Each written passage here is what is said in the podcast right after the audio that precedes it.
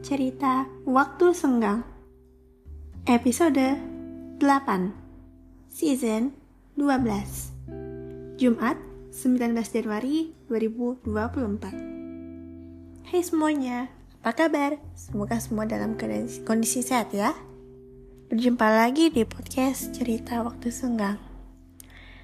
Uh, Sebelum aku memulai podcast ini Aku ingin kalian semua bahwa di episode sebelumnya kan aku bilang kalau season ini sampai 9 episode.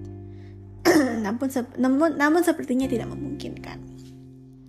Dikarenakan jadwalku yang jadwal belajarku yang semakin lama semakin padat, ditambah lagi aku harus aku harus meluangkan waktuku untuk belajar dan mempersiapkan ujian akhir semester, ujian praktik, dan ujian kelulusan sekolah untuk meraih kampus kuliah terbaik, maka uh, dengan sedikit kerelaan aku hanya ingin bilang bahwa season 12 hanya sampai 8 episode.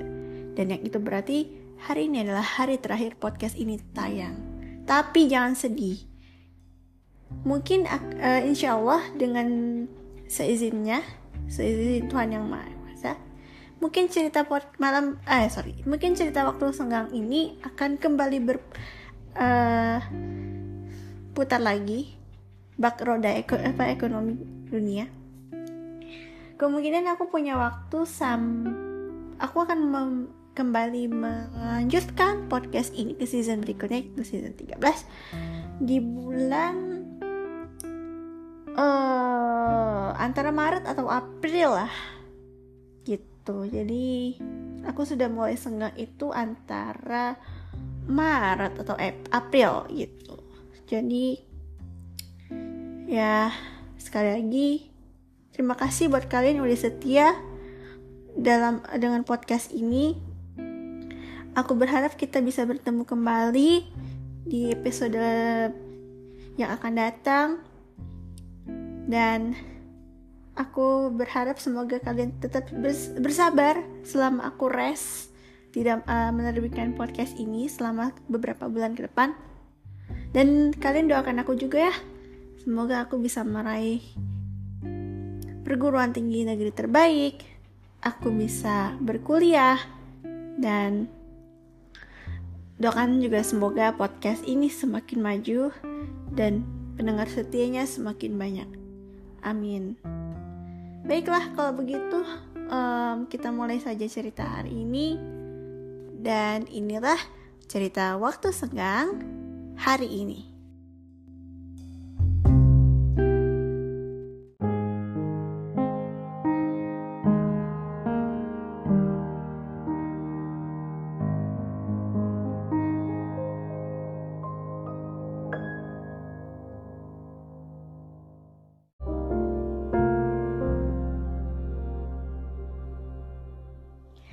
Oke, semuanya pada uh, podcast hari ini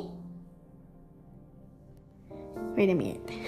pada pada podcast hari ini aku akan menceritakan cerita yang berkaitan dengan toko yang mungkin kalian masih ingat karena memang beberapa episode pada ini lagi ngetren ngetren kan soal King of Rapper yaitu seorang rap yang terkenal di kota Angel Peace, siap, Willy Mustafa. Masih ingat dong beberapa di antara kalian mungkin dan hari ini aku akan menceritakan tentang cobaan yang pernah dialami oleh Willy Mustafa ini.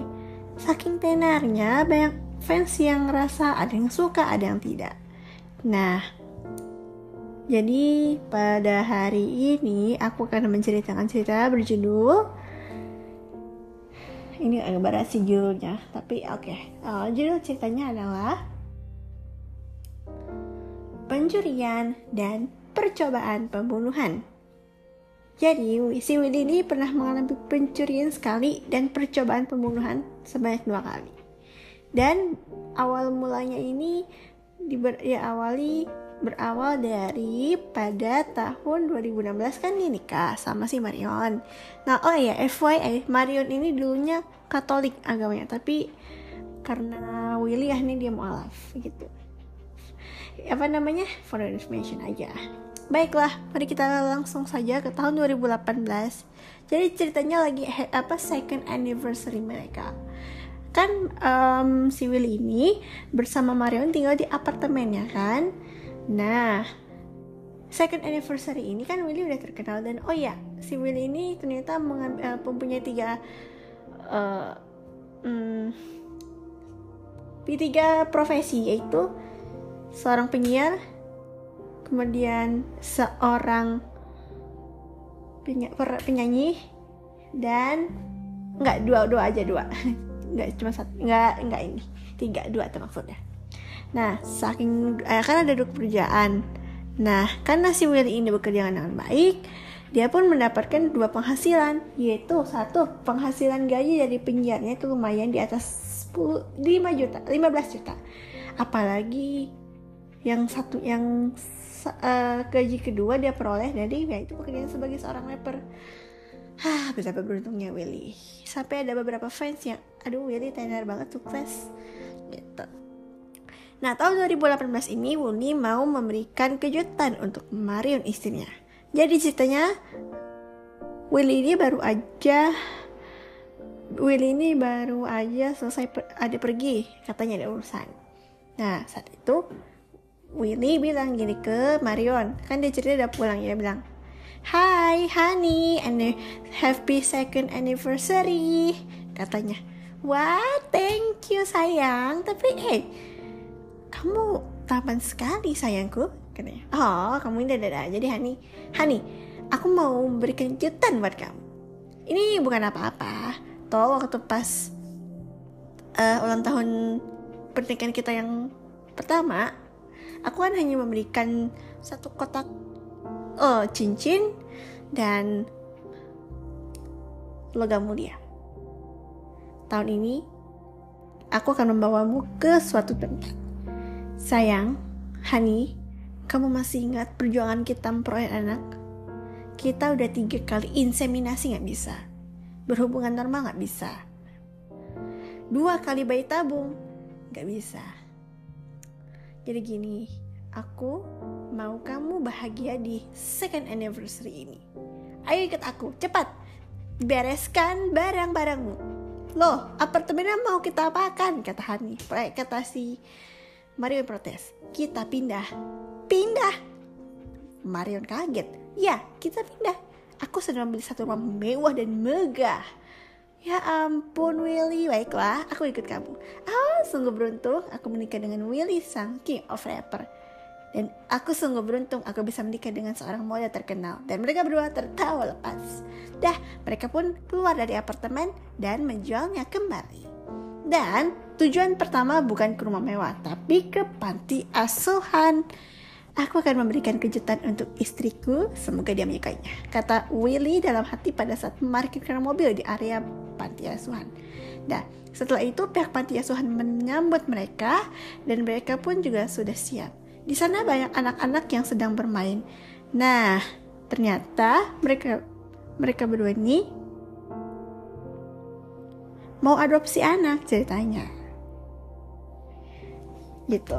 Nah mereka mau adopsi anak dan pihak panti asuhan itu pun memperbolehkan ambil lah salah satu dari mereka. Dan Willy pun dan Mario memutuskan untuk mengadopsi seorang anak remaja berusia tahun 2018 hmm, 13 tahun. Ya. Uh,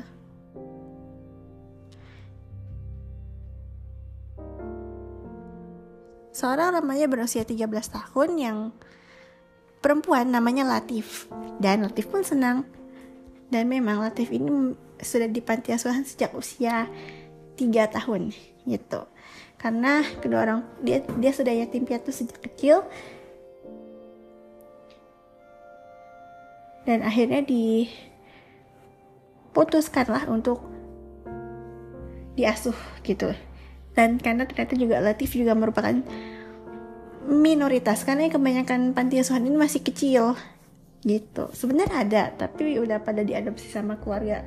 Ada yang diambil lah ada yang dipindahin ke panti asuhan lain gitu. Dan Latif senang sekali karena dia nggak mau jadi minoritas gitu katanya. Dan Latif pun juga kaget bahwa dia, dia tahu kalau itu Willy. Dia tahu kalau Maksudnya ya, dia, dia, dia awalnya nggak tahu kalau keluarga yang bakal jemputnya itu adalah King of Rap tapi begitu Willy dan Marion datang baru dia terkejut aku bakal diasuh oleh mereka berdua, kata Latif. Wow, kesempatan. Tapi aku tidak akan memamerkannya ke teman-teman. Bahkan, aku juga tidak akan memberitahu rencanaku untuk tinggal di rumah mewah. Makanya mungkin seumur hidup aku tidak mengajak mereka kerja kelompok ke rumahku kali ya. Aku nggak keberatan. dan akhirnya Latif pun diangkut dan dibawa ke rumah baru me mewah mereka gitu. Sesampainya di sana, mereka berdua pun mengecek, oh ada tiga lantai, ada basement, lantai dasar, dan lantai dua. Di lantai dua itu ada dua kamar, kamar utama dan kamar anak. Dan ada pintu connecting doornya antara kamar anak dan kamar utama gitu. Dan Latif pun diberi akses akses apa ya namanya akses yang cukup karena mereka berdua ini adalah keluarga kelas atas. Dan relatif pun resmi sudah menjadi keluarga Willy dan Marion. Kita punya anak sayang, kata Willy sambil menatap Latif. Oh ya, kita punya anak sekarang meskipun adopsi. Wajahmu cantik Latif, apalagi dengan jilbabmu yang keren ini. Katanya, kata Willy. Terima kasih, uh, Pak, Mah, dan mereka berdua tertawa. Latif baru aja mereka ambil udah berani dia manggil dengan sebutan mama dan papa. Tapi ya sudahlah nggak apa-apa. Dan inilah awal di mana ujian pertama dimulai. Seminggu setelah Latif pindah ke rumah baru mereka di suatu pagi, Latif dan ibunya yaitu Marion sedang menyiapkan sarapan, sementara Willy masih ter tertidur di kamar. Tapi begitu pukul 4.29 menit, terdengar suara teriakan dari atas. Eh, papa kenapa? Kata Latif. Mama, Marion bilang, entahlah, sana kamu cek. Jangan bilang, apa-apa mimpi buruk lagi. Dah, akhirnya Latif pun masuk ke ke atas ke kamarnya ke kamarnya si orang tuanya dan ya lihat Willy lagi panik dia bilang pah papa kenapa tongkat trapper papa hilang Latif Hah? Terakhir kali papa taruh mana? Coba ingat. Hmm, di situ. Katanya sambil menunjuk sudut ruangan kamar. Tapi nggak mungkin hilang. Tunggu sebentar deh, Pak. Tiba-tiba celah apa ekor mata Latif menangkap sesuatu. Pak, perhatiin deh. Ada celah kecil di kaca jendela ini. Coba Papa lihat. Willy mengangguk. Hmm, benar juga. Jangan bilang ada orang yang berani-beraninya masuk dan nyusup ke dalam sini. Dan benar, ada sedikit celah kecil, sepertinya ada orang yang berusaha untuk masuk dan memecahkan kaca. Hmm, dan wow, matamu tajam sekali, Latif. Dan kamu berhak menjadi detektif dari keluarga dari keluarga ini, kata Willy tertawa. Oh ya, terima kasih. Tapi tolong bantu Bapak ya. Akhirnya Willy dan Latif berusaha untuk cari di mana tongkat trappernya. Latif tahu tongkat trapper adalah tongkat yang biasa digunakan oleh Willy untuk show. Si Latif udah sering-sering melihatnya. Dan ternyata dicari dicari seluruh rumah nggak ada. Dan akhirnya mereka berdua memutuskan untuk melihat CCTV. Dan ternyata tengah malam pada saat seluruh keluarganya Willy ini lagi tidur, benar aja ada seseorang yang berusaha untuk masuk ke dalam dan berhasil dia meraih tongkatnya tapi dirinya masih di, di luar tongkatnya itu kelihatan masuk ke dalam celah jendela yang dipecahin dah diambilnya dan akhirnya mengetahui hal itu Latif dan yang merupakan seorang yang suka gambar langsunglah nyebarin poster kehilangan tongkat uh, Willy King of Rapper kehil baru saja kehilangan tongkat rappernya barang siapa yang Bro yang akhirnya menemukannya tolong kembalikan kepadanya. Alamannya eh, rumahnya di jalan gini-gini, sekian sekian sekian sekian sekian. Ini alamat samaran. Ya, jadi dia sengaja menyamarkannya supaya rumahnya nggak tuh nggak ketahuan gitu. Sampai akhirnya clue demi clue akhirnya keluar dan sekitar dua bulan kemudian tongkat rapper itu ditemukan dalam kondisi utuh. Betapa senangnya Willy. Dan Willy pun langsung mengambilnya dan berterima kasih kepada seseorang yang akhirnya berhasil mengembalikan tongkatnya. Tapi masih ada satu pertanyaan lagi yang menganjal siapa ya kira-kira yang mencurinya. Dan rupanya jawaban itu baru muncul seminggu kemudian pada saat fansnya sendirilah yang mengakui bahwa ialah yang mencurinya. Seorang fans Willy berinisial Y mendatangi kediaman Willy dan berkata, saya Y ingin mengakui sayalah pelakunya dan saya meminta maaf. Saya mencuri tongkat ini uh, bukan karena uh, apa-apa, tapi saya iri dengan ketenaran Anda. Anda sudah memiliki berkeluarga, memiliki anak pula. Dan ya, begitulah oh begitu ya dasar kupu pencuri terus akhirnya langsunglah dibawa ke kantor polisi dan polisi pun langsung menetapkan sebagai pelaku dan ia Y itu akhirnya dipenjara seumur hidup itu baru percobaan pertama. Permulaan lah istilahnya. Dan sejak saat itu Latif yang notabene adalah kreatif anak kreatif langsung membuatkan sebuah kerajinan yaitu kotak yang dapat menyimpan tongkatnya dengan aman. Dan tentu saja tongkat ini juga tak bisa sembarang orang membukanya. Hanya Willy saja karena dia adalah pemegang tongkat ini. Dan dialah yang menjaga tongkat ini agar tetap aman. Siapa yang menguasai tongkat ia yang berkuasa. Siapa yang memegangnya? Willy akan segera melindunginya. Bak perisai diri katanya. Ah apa-apa terlalu berlebihan. Akhirnya marilah kita ke per, per apa ujian berikutnya itu percobaan pembunuhan. Willy mengalaminya dua kali. Tahun 2018 beberapa bulan sebelum eh 2021 atau 2018 gitu pokoknya beberapa tahun 2018 sorry.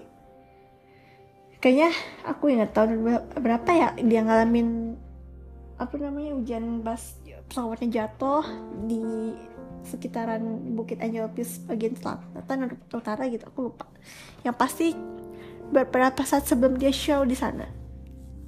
Jadi ceritanya uh, si Willy ini baru aja bertemu dengan teman-teman alumni SMP-nya mereka semua ini uh, berdua ya dia udah bestian gitu.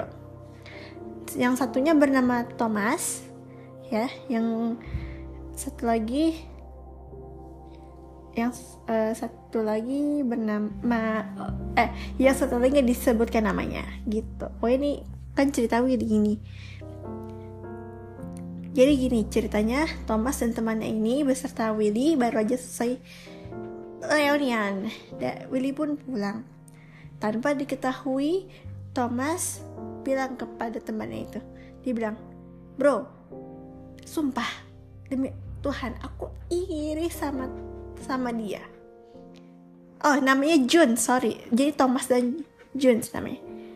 Memangnya apa yang membuatmu iri ha?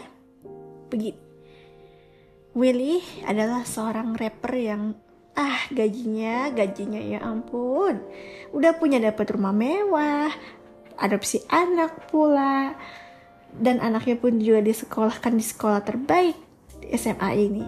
Dan lah sementara aku, aku adalah seorang ayah biasa dan seorang antar apa uh, pebisnis aja. Sumpah, aku ingin sekali sedikit saja meminta hartanya dan tentu saja menyimpannya untuk diriku sendiri.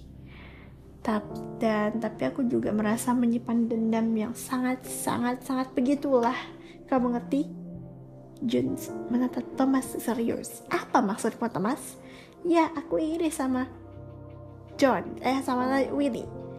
Dan aku ingin menyerahkan siasat untuknya. Aku akan menghabisi dia. Hei, berani-berani kamu. Kalau kamu melakukan itu, aku tidak akan berteman denganmu. Baiklah, gak apa-apa. Memang apa yang kamu rencanakan? Kata John, eh kata Jones. Thomas bilang, aku akan mengajaknya makan. Dan nanti aku akan memberikannya sesuatu yang membuat ketenarannya akhirnya hancur. Dan seluruh fansnya akan menatapi nasib Willy. Dan ya, aku akan menjadi terkenal menggantikan Willy. Bagaimana menurutmu Jun? Aku tidak ikut campur ya Thomas. Katanya. Benarkah? Baiklah kalau kamu tidak mau. Yang pasti aku akan merencanakan rencana ini seminggu. Minggu depan, oke? Okay? Oh, aku pasrah. Aku pulang duluan, kata Jones.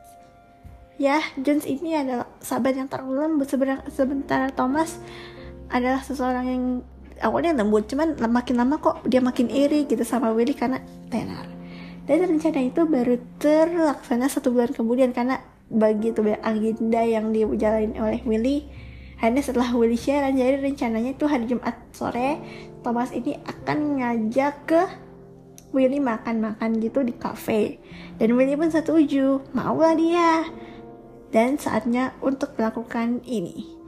Jadi gini ceritanya. Dah mereka berdua ketemu kan di cafe. Nah setelah itu mereka berdua memesan satu gelas kopi uh, cappuccino lah. Dan selain memesan kafe rupanya si Thomas ini udah ngebawa makanan dan ini dikhususkan untuk Willy. Dan dia pun tahu betul apa makanan favoritnya Willy, yaitu sandwich rumput laut. Dan akhirnya disajikanlah. Dia bilang, Willy, bestiku, nih buat kamu sandwich rumput, rumput laut untuk. Cobalah, katanya. Oh, terima kasih, kata Willy. Dan dalam hati Thomas berkata, bersiaplah ketenaranmu akan habis. Namun rupanya rencana Thomas gak terduga apa yang terjadi. Maksudnya gak berhasil. Kan Willy mau makan. Tapi tiba-tiba Nurani Willy entah kenapa dia bilang Willy jangan makan sandwich itu iya apa jangan makan sandwich itu. Jangan jangan berani-beraninya kamu memakannya. Hati-hatilah hati-hatilah. Memang tidak terlihat dengan dari dirimu. Namun tolong aku mohon jangan makan. Willy im uh, goyah hatinya. Setengah hatinya mau makan setengah hatinya enggak. Jangan makan. Gimana ini? Kenapa? Thomas ini pinter masak masalahnya. Tapi rupanya hati Runa, ru, hati ru, ru, nuraninya mengalahkan keinginannya. Satu menit kemudian dia berkata, Maaf Thomas, aku tidak makan. Aku tidak lapar. Aku lebih memilih menghabiskan espressonya saja. Sepertinya ada sesuatu yang aneh di sandwich ini. Coba aku lihat ya. Hei, tolong jangan buka. Kata Thomas. Kenapa? Menyelidik. Tolong jangan buka, aku mohon jangan buka. Biar ku buka, katanya. Jangan, biar ku buka, jangan. Akhirnya pertengkaran mereka berdua pun terdengar sampai kafe. Dan apa yang terjadi pas Willy itu buka sandwichnya ketahuan lah itu ada bubuk sianida dan dicampur dengan bubuk arsenik Ya ampun, astagfirullah. Hei, berani-beraninya kamu, kamu mau meracuni, meracuni aku kan? Thomas dengan paniknya bilang, enggak, bukan itu maksudnya, mungkin aku salah. Jangan banyak alasan. Dan akhirnya dengan panik tiba-tiba, Thomas, sepertinya dia sudah merencanakan cadangan diambilnya tuh pisau yang udah dia bawa. Terus pisaunya itu disayatkannya ke paha Willy sehingga membuat Willy pun ada terjatuh dan akhirnya dia pun memutuskan untuk baiklah tikam saja kata Thomas. Tapi belum sempat Thomas melakukannya. Tiba-tiba Latif yang udah kan Latif ini rencananya mau jemput si Willy kan? Ngeh kan? Aduh ayahku dalam bahaya. Latif ini juga waktu SD ya for more info aja. For your info aja. Dia pernah ikut les bela diri pencak silat gitu. Dan dia masih ingat. Dia bilang hei penjahat! Jangan sakiti ayahku aku Latif siap beraksi haya dan akhirnya dengan sekali pukul pisau itu terjatuh dan Thomas pun juga bergetar dan kaget juga. Loh, Latif kenapa dia ikut di sini? Dan dengan lirih, Willy-nya bilang, Terima kasih Latif sudah menyelamatkan nyawa ayahmu. Ya, dan terima kasih juga. Dan ia memanggil pelayan. Pelayan, buang alat-alat ini beserta, beserta makanannya. Dan dia buru-buru menelpon polisi dan segera menangkap Thomas. Dan dalam mobil polisi dalam hati dia berkata, ya ampun rencana aku gak berhasil dan akhirnya aku tertangkap. Dan Thomas disidangkan dan ia dengan pasrah mengakui kesalahannya dan dijatuhi hukuman satu tahun penjara. Dan ya satu tahun kemudian Thomas bebas. Dan ternyata Thomas ini masih aja nggak kapok. Ternyata dia masih menyimpan rasa dendam. Dia bilang oke okay, rencana tahun lalu nggak berhasil tapi mungkin aku akan merencanakan pembunuhan lagi untuk kedua kalinya. Aku harus berhasil pokoknya. Dan inilah percobaan kedua. Jadi ceritanya Latif sama Willy lagi pergi ke supermarket. Ada yang dibelanjain. Nah saat itu kan Latif bayar sementara Willy mau bubu. Masih yang lihat-lihat kan?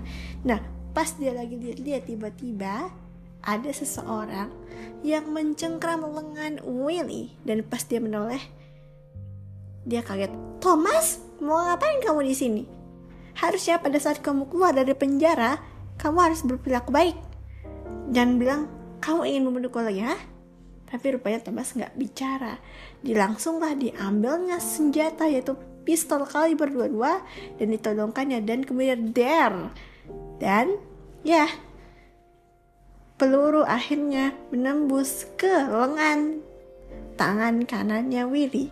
Disusul dengan tembakan kedua yang menembus kaki kiri Willy sehingga Willy terjatuh. Dan untuk ketiga kalinya Thomas menyodongkan senjata pistol ke dadanya tapi belum sempat dia menarik pelatuk Tiba-tiba Latif sudah bersiaga. Heh, penjahat ini lagi rupanya, ha? Sini kamu, ambil pistolnya biar aku yang tembak kamu. Latif, kata Willy Liri. Jangan khawatir ayah, aku di sini.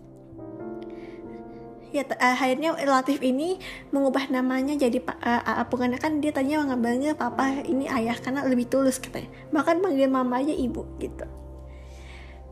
Dan keributan itu tentu saja chaos supermarket yang awalnya sepi akhirnya rame karena banyak yang panik tapi untungnya ada staff yang kayak menenangkan hal ke sekecil ini dan akhirnya Latif pun uh, bisalah melumpuhkan kedua kakinya kamu jago menembak kamu belajar dari mana kata Willy sambil bangkit ah enggak aku nggak jago amat sih tapi hei kok tepat sasaran kok bisa dan dua orang polisi langsung memborgolnya dan membawanya ke kantor polisi.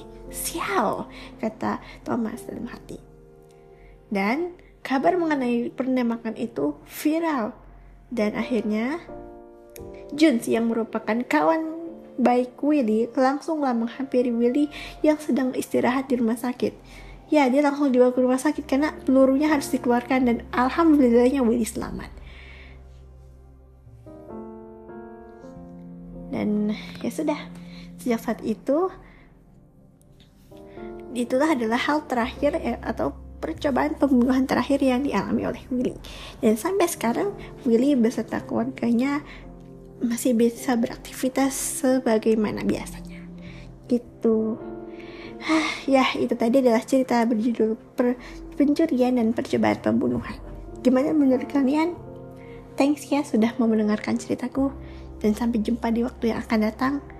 Dan sampai jumpa di season 13 insya Allah bisa. Insya Allah. Doain ya semoga podcast ini sukses dan aku pun bisa sukses dan semoga kita bisa bertemu lagi di season berikutnya dan di episode pertama di season 13 oke okay? stay tune only on cerita senggang dan sabar aku akan kembali Insya Allah aku akan kembali. Jangan sedih. Kalau kamu rindu padaku, play aja episode sebelumnya. Oke? Okay? Stay tune. Oke? Okay? Selamat berakhir pekan dan sampai jumpa see you next time. Dan sampai jumpa di cerita berikutnya di episode yang akan datang dan di season selanjutnya season 13. Oke? Okay? Balkis Baik Utami signing out and peace out and take care same time same place aku harus pamit dan sampai jumpa di dia cerita episode cerita waktu senggang berikutnya sampai jumpa and see you on next time bye